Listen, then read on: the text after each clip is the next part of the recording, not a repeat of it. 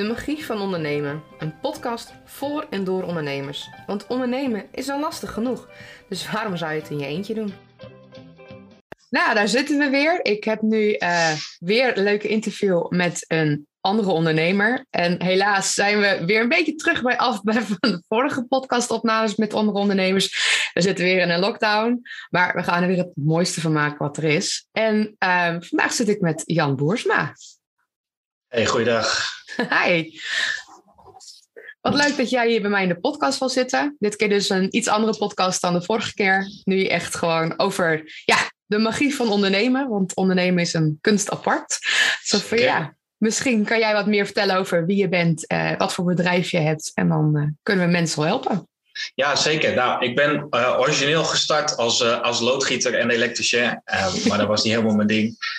en ook door omstandigheden ja, moest ik op zoek naar wat anders. ik kwam al heel snel achter dat mijn eigen ding doen mij het beste afging. en niet iets wat mijn baas mij opdraagt. Daar was ik gewoon niet zo goed in. dus eigenlijk iedere baan hield ik niet langer dan een jaar vol. Was ik er wel op uitgekeken. En dan, dan moest ik gewoon weer nieuwe uitdagingen.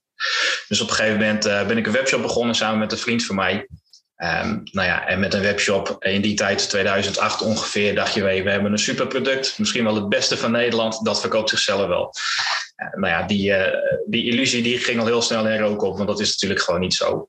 En uh, ja, als je er zo naïef instapt en denkt van, hé, hey, ondernemen, dat kan ik wel, ja, dan ga je al best wel snel op je plaats.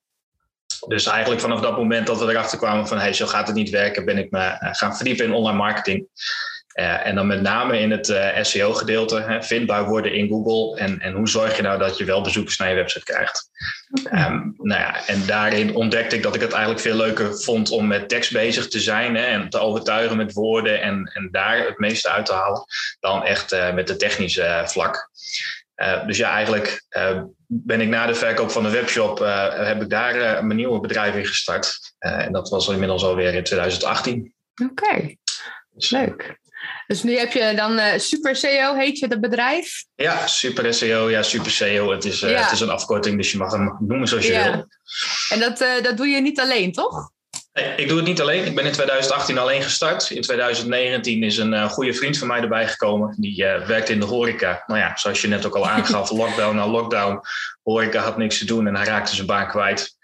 Uh, ja, ik was altijd al met hem aan het sparren. Ik ken hem al twintig jaar. Ik zei, weet je wat je doet? Ik zei, kom lekker een tijdje bij mij meedraaien. En als je het leuk vindt, hè, dan, uh, dan kom je er gewoon bij. En dan maken we er samen wat moois van. Uh, ja, zo gezegd, zo gedaan. Hij is hier komen zitten en hij is nooit meer weggegaan. Leuk. En ja, dit jaar zijn we dus ook verhuisd. We hebben een, een veel groter en veel mooier kantoor... waar we nog veel mooiere dingen kunnen doen.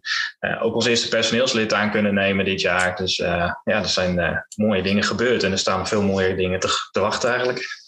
Leuk. En jullie hebben, jullie ook de ambitie om echt nog groter te gaan worden met nog meer personeel? Of weet je nu eerst zo met drie houden? Of uh, wat, wat is daar je ambitie voor?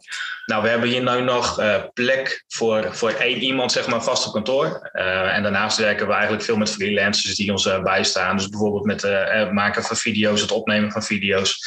Daar huren we eigenlijk steeds mensen voor in als dat aan de orde is. En het teksten schrijven en het social media beheer en dergelijke, dat doen we hier gewoon allemaal zelf in huis. Okay. De ambitie is wel om te groeien. Ik zeg altijd, over vijf jaar is het hele pakhuis van ons. Maar dat moeten we natuurlijk nog even zien hoe dat gaat lopen. Maar ja, ik wil zeker wel doorgroeien. Want je hebt er best een hele switch gemaakt van, van loodgieter naar ja, eigen absoluut. bedrijf met SEO. Ja, dat... Absoluut. Maar het was in mijn tijd zo. Ja, dan klinkt het echt alsof ben ik vet oud. Ik ben, uh, ik ben 36. Maar vroeger was het zo op school. Als je niet wist wat je wilde worden, ja, dan had je gewoon een probleem.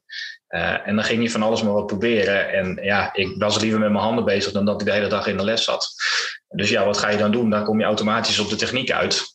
Nou ja, uh, daar belandde ik wat in. En uh, op een gegeven moment was ik 17. Toen mocht je nog van school af als je 17 was. Ik dat was toen volop werk. En ja, ik dacht dat gaan we gewoon doen. Ik ga gewoon lekker aan het werk en dan zie ik het wel. Ja. Dus zo is dat eigenlijk een beetje gekomen. Nou ja, dat is natuurlijk niet helemaal, uh, helemaal ideaal. En dan kom je dan ook al snel, uh, snel achter natuurlijk in het dagelijks leven. Dat je zonder diploma's, dat je uh, ja, gewoon overal deksel op je neus krijgt. Ja. ja, zonde is het eigenlijk. Want ja, ik heb nu ook, ik heb dan wel een diploma, maar Ja, ik eh, zeg altijd al, dat is een heel duur papiertje geweest. Want eigenlijk heb ik alles mezelf aangeleerd. Tijdens mijn studie was het al heel veel zelfstudie. En uh, ik heb dan het, uh, het befaamde CMD-papiertje. Dus dat is Communication en Multimedia Design. Mensen die dat een beetje kennen, die zeggen altijd dat is een pretopleiding. Uh, het is wel de, de multimedia kant. Dus ja, website bouwen, game design. Maar je moest alles zelf leren. We hadden eigenlijk niet echt colleges. En we deden heel veel gewoon dat je van elkaar moest leren en projectmatig leren. Dus eigenlijk had het wel iets met een MBO-opleiding dat het ermee opleek. Maar het was dan wel op HBO-niveau, want we deden dan leidinggevende functies. Ja, dus precies. ja, ik heb alles mezelf moeten leren daar. En na mijn studie, nou ja, eigenlijk alles wat ik nu weet, is voornamelijk na mijn studie heb ik geleerd om in, in loondienst te werken en nu als ondernemer. Ja, daar, daar groei je na die tijd in. En dat papiertje voor mij zegt daar helemaal niks over. En dat is zo zonde. En ik ken inmiddels zoveel ondernemers die ook zo begonnen zijn, die niet wisten wat ze wilden, die hun school eigenlijk daarom ook niet afgemaakt hebben. Maar dat wil niet zeggen dat je dom bent. Hè? Mensen hebben nog wel eens die assumption van, uh, ja, je hebt je school niet afgemaakt, je zal wel een beetje onnozel zijn. Maar dat is het vaak niet. En dat zijn vaak juist de creatieve mensen die gewoon op school hun creativiteit niet kwijt konden. En die dachten van ja, ik, ik red me wel, het komt wel goed. Ja. ja, en die ontwikkelen zich uiteindelijk heel goed. En uh, ja, je kan jezelf alles aanleren als het maar je interesse heeft. Hè? Dan, uh, dan pik je dat wel op. Ja. Want wat is op een gegeven moment echt de beslissing geweest dat je zegt van ik, ik ga voor mezelf beginnen, toen met die webshop? Zo van, wat was de trigger dat je zegt van ik ga nu echt, ik wil niet meer voor een baas werken, ik ga het zelf doen? Ah, ik ben daarin een, een, min of meer een beetje gedwongen door het leven. Ik heb een zware ongeval gehad en uh, ik heb daarbij mijn rug gebroken en nog uh, veel meer ellende gehad. Uh, dus ja, met een zware gereedschapkist rondjouwen, trap oplopen. Nee, nee, nee. dat ging hem gewoon niet meer worden. Dus ik moest sowieso iets zoeken wat ik gewoon, ja, waar ik gewoon veel meer de controle had over wat ik wel en niet kon. Maar ja, eh, voor kantoorbaantjes en dat soort dingen zeiden ze allemaal: ja, dat is hartstikke leuk, maar ga eens maar weer terug naar school. Nou ja, ja. Uh, ja, en eens weer terug naar school leek me ook niet echt een heel goed idee. Maar ik dacht, weet je, laat ik eerst eens van mijn werk mijn hobby gaan maken. Ja. Uh, en dat was vissen destijds. Uh, en zo ben ik daar eigenlijk een beetje ingerold. Ook weer met een vriend van mij natuurlijk om in het zware werk te ondersteunen. En ik deed dan natuurlijk voornamelijk de webshop en, en bestellingen en dat soort dingen. Uh, ja, en ik merkte gewoon dat ik dat echt heel erg leuk vond om te doen. En als je een keer een slechte dag hebt en je had te veel last van je rug, ja, dan ging je een keer niet. Of je ging een keer s'avonds werken in plaats van s ochtends. En, uh, ja, de, de vrijheid die je als ondernemer hebt en niet die verantwoording hoeven af te leggen aan iemand als ja. je even geen zin hebt of even niet kunt of wat dan ook. Ja, dat is gewoon super fijn ja, dat, dat vind ik ook altijd een van de meerwaardes van ondernemers zijn. Zo van, je hebt heel veel vrijheid. Zo van, ik ben inderdaad ook begonnen als ondernemer omdat het, ja, ik was voor de zoveelste keer dat een contract niet werd verlengd. Want ja, contracten zijn dan meestal maar tijdelijk tegenwoordig. En het is een te groot risico iemand vast aan te nemen. Ja. En nou ja, op een gegeven moment dacht ik, ik, ik wil iets anders. Ik, ik kan namelijk het, mijn vak heel goed. Dat, dat moet wel lukken. Ik kwam er toen alleen wel snel achter dat er veel meer bij komt kijken als je ondernemer bent. Dan alleen je vak doen. Ja, absoluut. Ja, bij mij was dat de baas die haalt de opdrachten binnen. En dan ging ik aan de slag. Maar vooral dat stukje vond ik heel moeilijk. Maar ook de hele administratie eromheen, de financiën. En gewoon, waar moet je mee rekening houden? Ja, en dat is dus ook een beetje wat mij nu ook weer geïnspireerd heeft om deze podcast te starten. Zo van ja, ik kan heel goed programmeren. Ik kan heel goed websites maken. Maar toen ik echt begon, toen had ik echt geen idee waar ik moest beginnen met het ondernemerstukje. Dat is gewoon een vak apart. Daar heb ik nooit voor geleerd. Nee, en dat miste ik in het begin ook heel erg hoor. Dus wat je nu heel erg ziet, is dat je, ja, je leert heel veel ondernemers kennen. En dan praat je erover. Hey, hoe doe jij dit? En hoe heb je dit? En hoe heb, hoe heb je die mensen zelf aangenomen? Of heb je die op PO? En er komen steeds meer nieuwe dingen op je af. Waarvan je ja, als ZZP'er in eerste instantie ook nog niet echt heel veel mee te maken hebt. Maar je wil gewoon graag dingen overleggen met iemand. Ja, ik kom niet uit een ondernemersfamilie. Ik kan het mijn vader wel vragen. Maar ja, die was buschauffeur. Die zegt ook ja, uh, ik zou het sowieso doen. Maar goed, de, ja, de, dus je mist soms wel een beetje daarin wel uh, ja, de, nou ja, een opleiding. Of maar vooral een beetje ja, eh, iemand die je eventjes uitlegt hoe het dan wel moet. En natuurlijk staat het internet er helemaal vol mee. Ja, maar ik vind het altijd wel. Uh, ja, want iedereen doet het op zijn eigen manier. En het is ook maar net hoe je het googelt natuurlijk. Hè? Dus, ja. En de ene zegt dit, de ander zegt dat. En dan heb je daar weer conflicten in. Zo van, wat, wat, wat wil je nou precies? En ja, ja en het, is ook, het verandert ook heel erg. De regeltjes, er komen er weer nieuwe regeltjes bij. Dan veranderen er weer dingen. En dan moet je daar weer om denken. En ook gewoon nu met die lockdowns iedere keer. Je moet, dat vereist ook gewoon weer een andere vorm van ondernemen. Want ja, je mist inderdaad, nou, bijvoorbeeld de netwerkevents. Daar haalde ik heel veel klanten weg. Ja, hoe ga je dat nu doen? En ja, ook gewoon de motivatie om door te blijven gaan. Dat is soms ook wel echt wel pittig. Maar aan de andere kant, de vrijheid is wel heel fijn. Dat je gewoon ruimte hebt om aan jezelf te werken. Ruimte, en dat als je wel of niet even een dag niet zo goed voelt, ehm, dan kan je er een beetje omheen plannen. Of gaat het verschuiven. Als je denkt, ik ga lekker even een middagje even dingen doen. Dan kan je in de avond misschien wat werken. En, en dat, dat, die vrijheid is wel heel fijn. Ja, dat is zeker heel fijn. Zoals nu ook. Het is nou lekker koud buiten, maar de zon schijnt. Er is eindelijk even geen regen. En als ik nu denk vanmiddag, ik ga wat leuks met de kinderen doen. Eh, en ik uh, maak het morgen wel af, dan kan dat gewoon. Ja. ja, die vrijheid, dat krijg je gewoon nergens. Nee, voor mij is het ook vaak gewoon heel simpel iets. Boodschappen doen. Ik kan boodschappen doen. Op momenten dat het voor heel rustig is, dan zijn de meeste mensen aan het werk. En dan kan ik even snel boodschappen gaan. En dan is het gewoon lekker rustig. En gewoon, gewoon dat soort simpele dingen, dat is gewoon fijn. Of inderdaad even de natuur en even een wandeling kunnen maken. Ja, Dat, dat, dat zijn wel voor mij echt wel de, de prees van het ondernemen. Ja, absoluut. Ja, dat tegenover, hè, je noemde het net ook al even, er staat natuurlijk ook best wel een hoop stress tegenover, want het is niet altijd zo rooskleurig. En ja, als er een tijdje geen opdrachten binnenkomen, dan zie je natuurlijk uh, het geld op je rekening verdampen. En dan denk je wel eens bij jezelf van, oei, komt dit wel goed? Hoe gaan we dit deze maand oplossen? En ja, je moet altijd wel door blijven gaan. Je moet wel echt een doorzetter zijn, want anders dan ga je denk ik uh, na het eerste jaar al, uh, al huilend terug naar een baas en denk je van, waar ben ik aan begonnen? Ja, dus dat moet wel in je zitten. Ja, en dat stukje discipline, want die vrijheid heeft ook een keerzijde. Want als jij jezelf te veel vrijheid geeft, ja, je denkt, ah, dat kan morgen wel. Maar als je dan morgen denkt, ah, dat kan morgen wel, ja. dan blijft dat schuiven en dan blijft het liggen en dan stapelt het op en op en op. En ja, dat, dat is ook gewoon zonde natuurlijk. Maar dat is ook wel even iets waar ik heel vaak tegen heb moeten strijden. Gewoon oké, vooral afgelopen jaar dan heel veel dingen niet lukken met, met corona en lockdowns. En ja, je, je ziet inderdaad gewoon minder klanten binnenkomen. Dan is het soms heel lastig om gemotiveerd en gewoon je discipline te houden om toch door te gaan uiteindelijk loont het zichzelf, maar dus wel, je moet door. Ja, precies. Ja, je, kan, ja, je kan eigenlijk niet een dag achterover leunen en denken van ach, het komt wel goed. Want uh, ja, het einde van de maand komt altijd heel snel in zicht. Uh, ja, je zal er toch echt wel iets voor moeten doen. En uh, ja, dat maakt het aan de andere kant ook altijd wel weer leuk. Nou ja, we hebben allebei ADHD, dus stilzitten kunnen we ook niet. Nee. Uh, maar ja, ja, thuis ook. Ik ben altijd met werk bezig. Dan zegt mevrouw, wat, wat zit je nou weer met je hoofd? Ik, oh ja, ik was even wat van klant aan het bedenken, want die had me nog wat gevraagd. En je bent gewoon ook altijd met je werk bezig in die zin. omdat je het gewoon altijd beter wil doen en er altijd meer uit wil halen. Ja, en dat is ook wel ook weer het nadeel zo van, je bent altijd aan het werk. Kijk, sommige functies, dan kun je inderdaad gewoon kantoortijden wel afspreken. Uh, maar voor mij bijvoorbeeld, ik moet eigenlijk wel 24-7 bereikbaar zijn voor mijn klanten. Want ik, ik beheer ook webshops en websites. Als dan daar iets mee fout gaat, of er gaat, hij is offline, of er is een error, dan moet ik meteen eigenlijk ingrijpen. Want ja, anders verliezen zij inkomen. Ja, daar ben ik dan weer mede verantwoordelijk voor. Dus ja. ja. als ik ziek ben of ik ben op vakantie, uh, dan moet ik toch altijd wel even telefonisch in ieder geval bereikbaar zijn. En kijken hoe ik het kan oplossen. En even een laptop ergens vandaan gerissen, even toch even wat fixen proberen. En ja. ja. dat is wel een ding. Je staat altijd wel aan. Je staat echt altijd aan. Ja, je kan niet eventjes uitchecken. Je kan niet denken van nou, uh, van 9 tot 5 en als ik thuis kom is het klaar. Dat, want dat werkt gewoon niet. Op die manier dan gaat dat gewoon niet lukken. Nee, nee. En sommige dagen heb je dat je gewoon een paar uurtjes werkt. En andere dagen dan werk je gewoon echt gewoon minstens tien uren. Dat, dat verschuift ook gewoon heel erg van... Ja, ook gewoon wat voor opdrachten je op dat moment hebt liggen. Soms dan denk je van, nou, die wil ik gewoon even af hebben. Ja. En ja, dat, dat, dat is wel een ding dat het heel onvoorspelbaar soms is. Ja, je kan heel moeilijk plannen. Ja, dat vindt ja. mevrouw wel eens wat lastig. Ik heb er dan zelf geen moeite mee, want dat is mijn ding. Maar mijn vrouw ja. denkt er wel eens, ja, hallo, wanneer ben je nou klaar? Ja, dat weet ik niet. Als het niet. klaar is, ja. ik kom wel, zet maar helemaal goed rond. ja. Ja, maar op een gegeven moment ben je dus van, van webshop, daar ben je mee gestopt om dan met dat super SEO bezig te gaan. Ja, we hebben de webshop kunnen verkopen.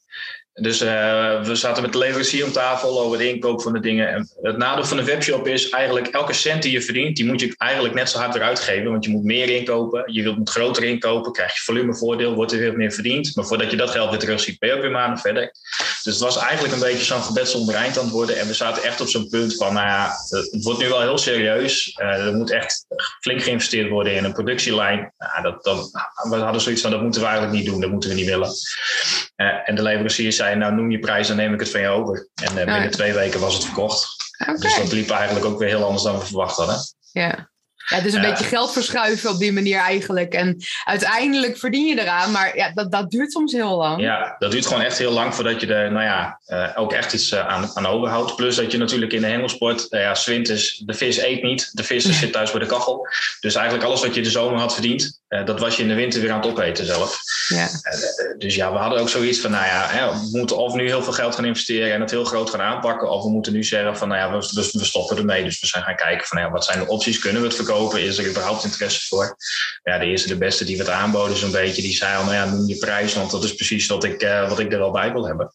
Oké. Dus dat was eigenlijk heel snel geregeld. Oké, ja. En uh, ja, toen zat ik drie dagen thuis en toen kreeg ik telefoontjes van mensen die zeiden, hoorden dat ik de webshop had verkocht. En die zeiden, hé, hey, maar kan je mijn webshop dan even helpen? Want jij weet hoe dat moet. Dus ja, ik zei, ja, tuurlijk kan ik je wel helpen. Dus ik was echt een beetje, ik dacht, nou ja, ik ga een paar maandjes even rustig uh, om me heen kijken. Wat vind ik leuk? Wat wil ik doen? Ik had wel het vermoeden dat het iets in de marketing ging worden. Maar uh, ja, het is natuurlijk altijd even, ik neem eens wel eens even een beetje vrij. En dan kijken we dan wel. Ja.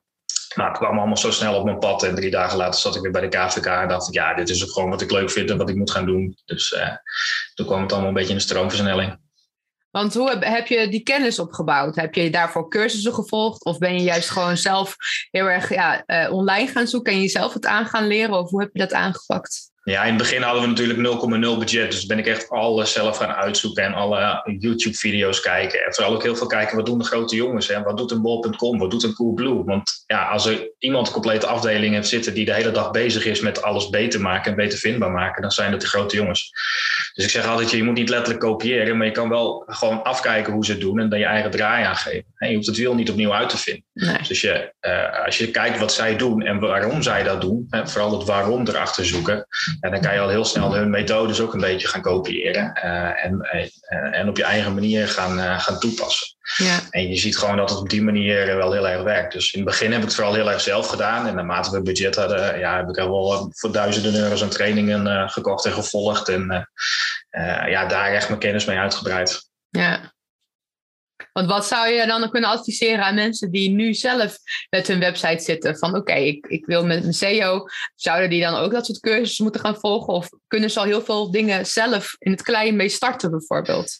Ja, dat is het vaak wel. De kleine ondernemer denkt altijd, ja, SEO, wat is, uh, dat is allemaal heel vaag en heel ingewikkeld. Maar eigenlijk ja, uh, in theorie is het wel ingewikkeld, maar je hoeft helemaal geen ingewikkelde capriolen uit te halen als je gewoon een begin maakt. Als je gewoon je kennis al gaat delen, als je daar eens mee begint door gewoon blogartikelen te schrijven en die kennis op je website te plaatsen, dan ga je al veel beter scoren in Google. Want wat je nu vaak ziet is uh, dat de ondernemer bestelt een website en die krijgt een prachtige website opgeleverd en vervolgens na een half jaar kijkt hij in zijn analytics en hij ziet er is nog steeds niemand op mijn website geweest. Ja. en dan hebben ze vijf pagina's, er staan in totaal misschien 500 woorden op. Ja, Google heeft gewoon geen flauw idee waar die website over gaat, waar die op gevonden moet worden, wat je er überhaupt mee wil. En dan komen ze natuurlijk heel vaak bij ons uit en dan zeggen we, ja, nou ja, de websitebouwer heeft je een mooie website verkocht, maar ja, uh, als die niet gevonden wordt, dan kun je nog zo'n dure mooie website hebben. Je hebt er gewoon niks aan. En dus begin gewoon eens even met die website goed in te delen en ook per pagina te kijken van hey, waar moet deze pagina gevonden worden. En ben je glazenwasser, maak dan een pagina die gaat over glazenwassen. Uh, ben je loodgieter, maak dan een pagina die gaat over het oplossen van uh, storingen en, lekkages. En zorg gewoon dat je die pagina's goed ingericht hebt per dienst. en, en ga het liefst ook een beetje bloggen en je kennis delen. En dat is graag iets wat Google wil zien. Die wil de autoriteit zien dat jij er verstand van hebt. Ja, daar heb je echt geen SEO-specialist voor nodig. Dat kan je allemaal zelf. Dat kan je allemaal vanuit je eigen kennis. Want ja, uh, jij hebt die kennis heb je gewoon in je hoofd zitten. Je hoeft het alleen maar te vertalen uh, naar je website. Dus eigenlijk een beetje uh, gaan nadenken over wat zou een probleem van je klant kunnen zijn. Waar zou een klant op kunnen zoeken op Google? Ja. en daar dan eigenlijk heel gericht ook iets over schrijven. Dus inderdaad, problemen met loodgieten. Ja, wat zou een klant daar die een loodgieter nodig heeft, wat voor problemen zou die kunnen hebben? En ja. daar dan dingen over schrijven, denk ik. Ja, precies. Ga dat gewoon op je website zetten. En ook iets heel simpels wat, nou, ik denk dat we 80% van de gevallen wel tegenkomen bij onze klanten, is dat ze hun Google Mijn Bedrijf profiel niet gebruiken. Nee. Uh, en uh, 25% van je lokale vindbaarheid wordt bepaald door je Google Mijn Bedrijf profiel. Dus door puur dat profiel in te vullen, een goede beschrijving mee te geven en het liefst zoveel mogelijk foto's up te loaden en nog reviews te verzamelen als het een beetje kan. Uh, maar daarmee vergroot je al enorm de kans dat je lokaal gevonden wordt. Ja, dat, dat is zo simpel. Ik heb er inderdaad een tijdje terug een tip over geschreven in mijn blog. Zo van, maak gebruik van Google Mijn Bedrijf. Het is een gratis tool ja. en het levert je zoveel meer op. Want op die manier krijg je invloed op wat er zichtbaar is als mensen jouw bedrijf zoeken. Ja. Want als mensen het geen Google Mijn Bedrijf hebben, ja, dan missen ze dat stukje. Dus als jij nu een bedrijf zoekt en er staat aan de zijkant, komt er dan zo'n extra blokje met informatie en linkjes en knopjes. Dat komt door Google Mijn Bedrijf. En ja, als je zeker. dat niet hebt, dan mis je dat. Ja, en je krijgt uh, ja, de local pack krijg je te zien. Daar worden drie bedrijven in uitgelicht. En die staan gewoon echt boven alle andere resultaten. Dus ja, ondanks dat jouw website misschien niet scoort, kan je Google Mijn Bedrijf profiel wel scoren. En dan klikken mensen wel naar jouw website in plaats van naar die van een ander. Ja. En zo simpel kan het soms zijn. Maar mensen ja, weten het gewoon niet. Uh, of denken dat het ingewikkeld is. Of, maar er zijn zoveel mogelijkheden om het ook gewoon met, met weinig tot geen budget gewoon lekker zelf te doen. Maar ja, je moet wel ergens een begin maken natuurlijk. En er zijn ook heel veel dingen die uh, verschuiven in Google. Dus dat heb ik altijd al gemerkt de afgelopen jaren. Dat sommige dingen zijn uh, minder belangrijk geworden. Andere dingen zijn weer belangrijker geworden. Bijvoorbeeld linkjes. Dat was altijd super belangrijk. Dat heb ik het eerder dat het nu iets minder belangrijk is. Daarom was altijd dat link kopen en zo. was altijd heel belangrijk. Maar dat is nu volgens mij... Want Google is daar slimmer in geworden. Die, die ja. ziet dat eerder. Met name dit jaar zijn er een paar flinke updates geweest, core updates, waarbij ze dit soort dingen willen aanpakken. En uh, ze zijn veel beter geworden in het detecteren van linkspam. Dus als jij allemaal linkjes krijgt van uh, loodgieter.loodgietersnet.com en, en allemaal van dat hele uh, van dat vage ver wegspul. En als je de pagina aanklikt, kan je het wel zien. Staat eigenlijk net niks. Er staan wat tekstjes op. En het is allemaal gewoon dat je denkt van nou, dit is niks. Dan nee. wil je daar ook gewoon geen link van hebben. Want Google herkent dat en Google denkt van ja, weet je, dat is niks. Nee. dus daar gaan wij ook geen waarde aan hechten. Dus als je met linkbuilding bezig wil, en dat is natuurlijk wel een hele belangrijke factor, maar dan wil je gewoon links van kwalitatieve websites. En dan wil je gewoon ook links van een website die relevant is. Kijk, het is mooi als de slager naar de bakker linkt, maar dat is voor Google niet heel relevant. Maar als er een, uh, een ondernemersnetwerk is, hè, bijvoorbeeld hier de gemeente Waardhoek, ik noem maar eventjes iets, en die heeft een website en daar staan alle ondernemers op, dan is dat wel weer een hele relevante backlink, want daarmee toon je aan dat jij ondernemer bent in deze gemeente. En dat is voor Google ook weer veel waardevoller. Ja, en bijvoorbeeld dingen als uh, kopjes, wat, wat kan je daarvoor adviseren? Ja, de kopjes zijn eigenlijk wel het belangrijkste. Ja, de headings noemen we dat altijd in vaktermen. Uh, je hebt er een paar met de opmaak van een pagina. Je hebt altijd de H1. Uh, dat is eigenlijk de belangrijkste. In die zin, in die context wil je aangeven waar de pagina over gaat. Dat is ook voor Google een van de belangrijkste aangevers. Nou, dan heb je ook nog de metatitel en meta-omschrijving. En dat zijn eigenlijk de, uh, de kop en de tekstregel die je in het zoekoverzicht te zien krijgt.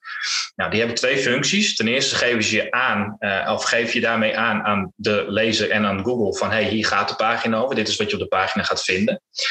Um, maar wat je daarmee ook doet, is dat je de, uh, de gebruiker, de zoeker, dat je die triggert om naar jou te klikken en niet naar de resultaten onder of boven jou. Ja. En dus vaak wordt er wel iets ingevuld. Uh, maar nou ja, slaat het nergens op of het zoekwoord staat er niet in. Dat is vaak ook wel heel belangrijk. En daarom zie je ook dat Google nu zo'n 60%, uh, zo uit mijn hoofd, dat was de laatste keer dat ik het opzocht, 60% van die omschrijvingen in het zoekresultaat gewoon letterlijk gaat herschrijven en niet eens meer de opgegeven herbeschrijving gebruikt. Yeah. Omdat het volgens hun niet genoeg overeenkomt met uh, wat er op de pagina te vinden is. Ja. ja, ik gebruik dan zelf voor uh, mijn WordPress-website en die van mijn klanten altijd Joust. Ja. Uh, Zo'n gratis tool voor WordPress. En daar kan je inderdaad gratis, kan je daar onderin kan je inderdaad dezelfde titel herschrijven en inderdaad die meta-description. Want ja, anders dan pakt Google zelf tekst van jouw website. En helemaal met heel veel van de websites waar een beeld erin zit. Dus bijvoorbeeld websites zoals Wix en maar ook van WordPress. Waar je met kan slepen met alle blokken. Ja. ja. dan krijg je allerlei rare teksten daarin, want dan klopt het niet meer. Dus dan is nee, zo'n omschrijving is heel cruciaal dat jij zelf die controle pakt van wat wil je dat Google ziet. Ja, en dan is er nog geen garantie dat Google dat ook gebruikt. Nee, maar, maar dan heb je in elk geval wel, heb je in elk geval wel, in elk geval een klein beetje sturing gegeven. Want ja, Google, net wat je zegt, Google pakt er soms dingen uit en dan denk je, ja, waar slaat dat op? Ja. Dit, is, dit komt totaal niet overeen met wat ik wil. En dus ja, je wil die keuze niet aan Google laten, je wil zoveel mogelijk zelf de controle nemen. Want werk jij dan, ja, maak jij echt de teksten die lever je aan? Of ga je ook echt op websites het zelf voor de klant aanpassen? Uh, nou, in heel veel gevallen plaatsen we de tekst ook. Want het is eigenlijk een beetje zo, wij, uh, wij maken de tekst, dus we doen het zoekwoordenonderzoek. En we gaan een doelgroeponderzoek doen. Hè, voor wie is deze tekst bedoeld? Ja, wat zoekt diegene? Uh, in, in welke fase zit hij? Weet hij, hè, heeft hij al kennis van het product of de dienst? Of is hij nog helemaal nieuw? Weet hij nog niet eens dat er bijvoorbeeld een, een, app is om podcast op te nemen? Dus dat soort dingen wil je allemaal uitgezocht hebben voordat je aan de slag gaat. En vervolgens ga je die tekst schrijven en uh, geven we daar ook een SEO-score aan om te kijken van nou ja, hoe goed uh, matcht deze tekst met de, met de zoekintentie. Uh, alleen het kan wel eens zijn dat als de klant het zelf gaat plaatsen en die doet dat niet helemaal goed of die vergeet bepaalde dingen of het staat er net niet helemaal lekker op, interne links ontbreken, nou noem het maar op, er kan zoveel misgaan. Ja, dan heeft die tekst nog geen enkele waarde. Dus als mensen er zelf wel verstand van hebben en ze weten wat ze doen, uh, dan is het ook prima als ze het zelf plaatsen. Maar over het algemeen plaatsen wij de tekst en dan doen we ook nog een audit om te kijken met de software van hey, staat die tekst ook daadwerkelijk goed? Klopt het allemaal? En want anders dan heb je er natuurlijk gewoon niks aan. Nee. En zijn dat dan voornamelijk dan WordPress-websites of doe je ook wel andere platformen? Mensen die hun eigen soort eh, CMS hebben gebouwd en bijvoorbeeld Wix, want dat is wel een ding waar ik steeds tegenaan loop. Uh, kijk, mijn klanten die probeer ik altijd te adviseren, ga naar WordPress, want Wix en Google vinden elkaar niet zo leuk, is altijd mijn ervaring. Wat is jouw ervaring daarmee? Ik heb uh, denk ik twee jaar terug in mijn begintijd een keer met Wix moeten werken en ik vond het verschrikkelijk. Ik kon totaal niet doen wat ik wilde doen en uh, er zat geen sturing in. Dat zal nou inmiddels absoluut wel veranderd zijn. Ik heb ook wel eens uh, wat experimenten gezien van mensen, van, van SEO-specialisten, die hebben geprobeerd om te laten zien dat je met een Wix-website ook bovenaan kan staan. Maar gewoon de opties die je in WordPress hebt en, en als iets er niet is, kan je het gewoon maken. Het is allemaal open source. Dus als je een developer hebt en je zegt ik wil die knop daar graag hebben, maar dat, dat kan zo niet, dan kan hij dat zo programmeren. En maar ook, uh, ja, ik ben marketeer, dus ik wil alles meten en regelen. Dus als we een webshop hebben, dan hang ik er zo 40 plugins aan. Ja. ja dan wordt het natuurlijk ook niet beter van, want je laadtijd gaat helemaal naar de knoppen. Ja, ja dan kan je ook tegen een developer zeggen van, hé, hey, kijk, we hebben dit nou allemaal uh, eraan gehangen, maar kan jij daar ook dingen van inbouwen, zodat het allemaal weer een beetje vlotter gaat. En dat kan gewoon allemaal. Ja. En ik denk dat 80% van de gevallen waar wij mee werken, dat het wel WordPress is. Uh, en je ziet ook nog wel een beetje, omdat we best wel veel webshops doen, dat je met Magento te maken hebt met Shopify en die, uh, die platformen. Ja. ja, ook daar zijn de mogelijkheden natuurlijk weer veel beperkter, want dat is echt een dichtgetimmerd pakket. En bij WordPress heb je dat gewoon niet. Nee. nee, want dat merk ik ook. Kijk, gewoon puur qua teksten denk ik dat je met Wix heel ver kunt komen in SEO. Ja. Maar uh, inderdaad, wil je meer invloed hebben op nou, bijvoorbeeld zo'n plugin zoals Joost, waar je gewoon zelf de titel en een meta-omschrijving alles dat kan invullen. Ja, die, die functies heb je in niet in Wix. En dat vind ik altijd heel jammer. En ja, dat, dat probeer ik ook mensen te adviseren. Wix is leuk, maar dezelfde functies heb je ook in WordPress, maar dan beter.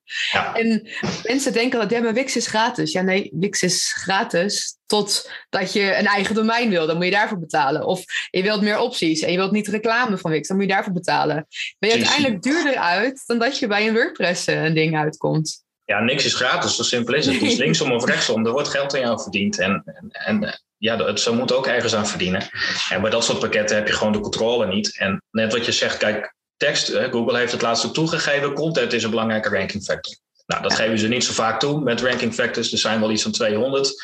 Uh, die zijn voornamelijk allemaal onbevestigd. Maar we weten natuurlijk wel inmiddels wat er wel en niet uh, tussen zit. Uh, maar content is daar wel een hele belangrijke van. Dus als jij niet heel veel concurrentie hebt en je bent heel lokaal bezig, dan kan zo'n Wix-website waar je het alleen met tekst af kan, zou prima, zou prima genoeg kunnen zijn. Maar uh, als jij wat landelijker of wat breder gaat werken, of je doet iets wat heel veel mensen doen, hè, eh, wat je nu bijvoorbeeld met coaches natuurlijk heel veel ziet de laatste jaren, dus zo'n enorme toename aan coaches, ja, dan red je dat met de Wix-website niet. Want dan heb je gewoon veel meer nodig en, en, en veel meer opties nodig om dat gewoon uh, ja, goed te optimaliseren. Ja, niks is onmogelijk, hè, dat moet je er altijd wel bij zeggen, maar je maakt het jezelf wel heel moeilijk als je het op die manier gaat aanvliegen. Ja. Zijn er dan bepaalde plugins die je voor WordPress die jij gebruikt, die zegt van hé, hey, dat, daar, dat wordt een website echt gewoon dat helpt om daarmee dingen te, onder controle te hebben?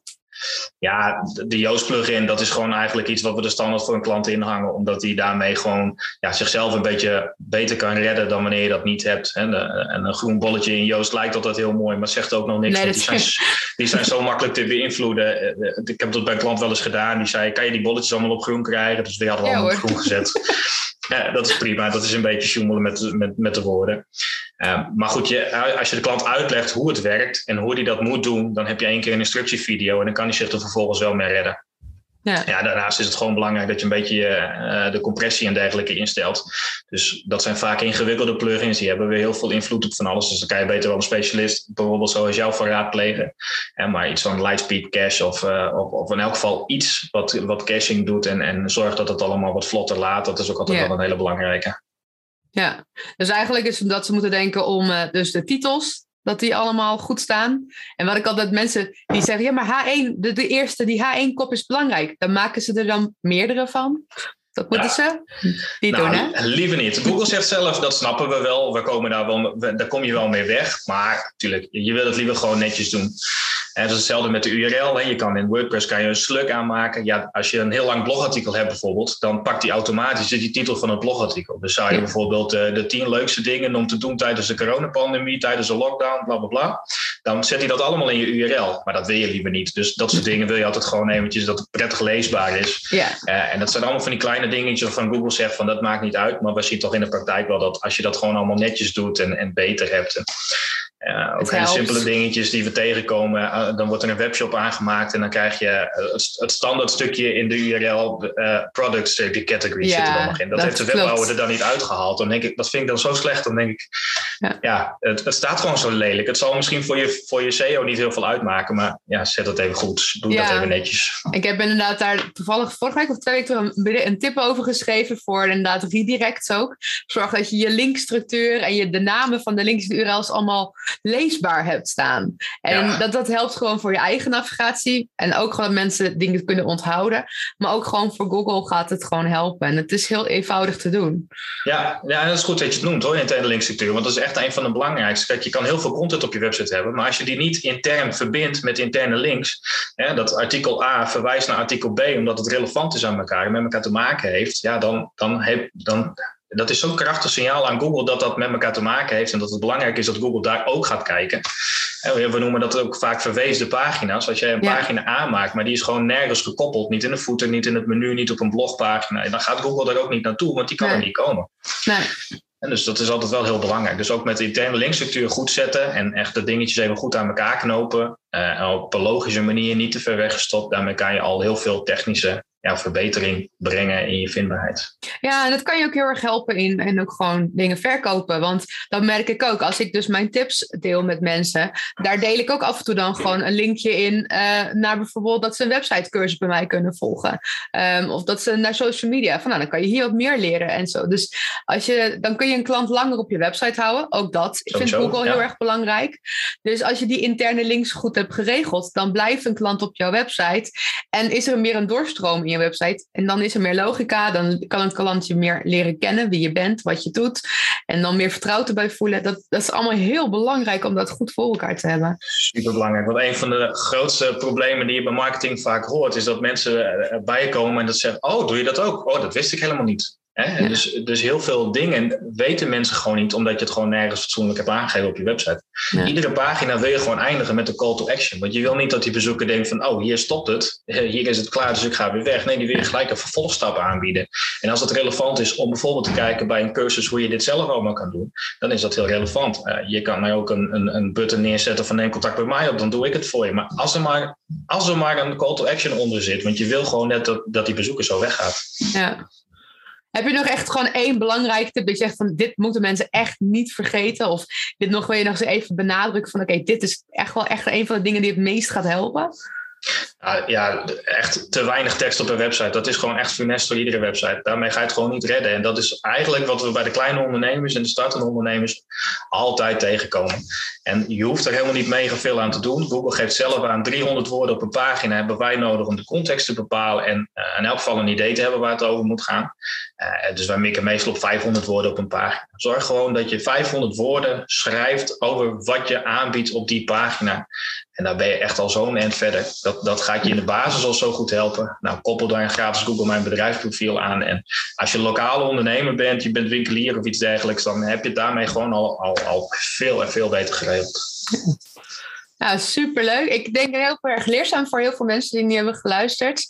Uh, waar kunnen ze je vinden? Uh, superseo.nl. Oké, superleuk. Nou, ik ga ook gewoon weer in de omschrijving van deze podcast. zal ik jouw naam en de website erbij delen. En uh, ik wil je heel erg bedanken voor nou, alle waardevolle tips die je hier hebt gedeeld. Ja, hartstikke leuk. Bedankt voor het leuke gesprek. Uh, Leuk dat ik even uh, bij je mocht komen op deze manier. Jammer ja, dat het niet in real life is. Maar, uh... Nee, helaas. En zo vind ik het ook heel leuk. Zo kunnen mensen ook gewoon het heel makkelijk op video kunnen mensen meekijken. En er ook gewoon een beeld bij hebben van nou, wie, wie ben jij nou eigenlijk? En nou, ja, zo kunnen we toch een beetje netwerken op deze manier. Ja, blijven toch een beetje in contact met iedereen. Top. Nou, heel erg bedankt. En uh, als er nog meer mensen zijn die deze podcast willen, uh, laat vooral even een reactie achter. En dan uh, kun je misschien jouw expertise delen met andere ondernemers. En tot de volgende podcast. Dat was weer een aflevering van De Magie van Ondernemen. Hopelijk heb je er iets van geleerd. En vond je het leuk om naar te luisteren? Er komen nog veel meer onderwerpen aan bod. En wil jij nou zelf ook in deze podcast komen? Stuur me dan even een berichtje en dan kun jij misschien ook andere ondernemers helpen met jouw expertise. In ieder geval tot de volgende podcast.